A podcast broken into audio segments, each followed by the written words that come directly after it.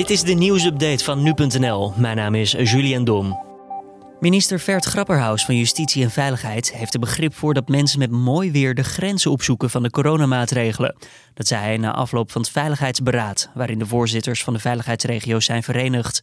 Ook benadrukt de minister dat de Nederlandse bevolking zich voorbeeldig gedraagt.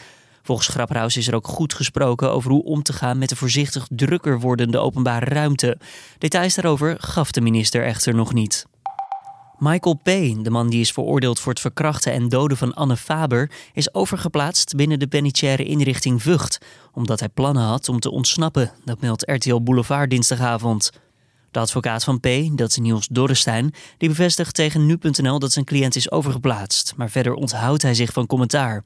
Een woordvoerder van de dienst Justitiële Inrichtingen zegt dat er twee gedetineerden zijn overgeplaatst omdat er vermoedens waren van het voorbereiden van een ontsnappingspoging.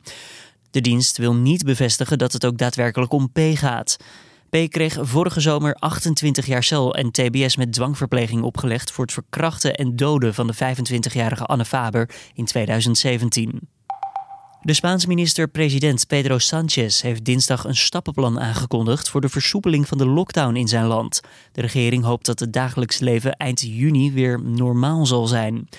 Het plan van Sanchez en zijn kabinet bestaat uit vier stappen, waarbij de lockdown steeds iets verder versoepeld wordt.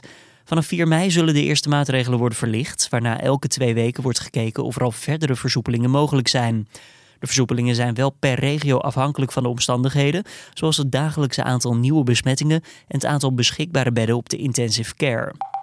Zeker 40 mensen zijn dinsdag omgekomen bij een explosie in het centrum van de stad Afrin in het noorden van Syrië.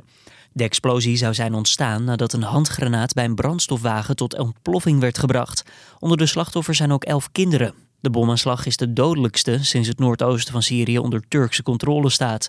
De Turkse minister van Defensie verdenkt de Koerdische IPG-milities van de aanslag, maar leverde daar geen bewijs voor. De Verenigde Staten reageerde dinsdagavond lokale tijd op de aanslag en deed opnieuw een oproep tot een staakt het vuren in de regio.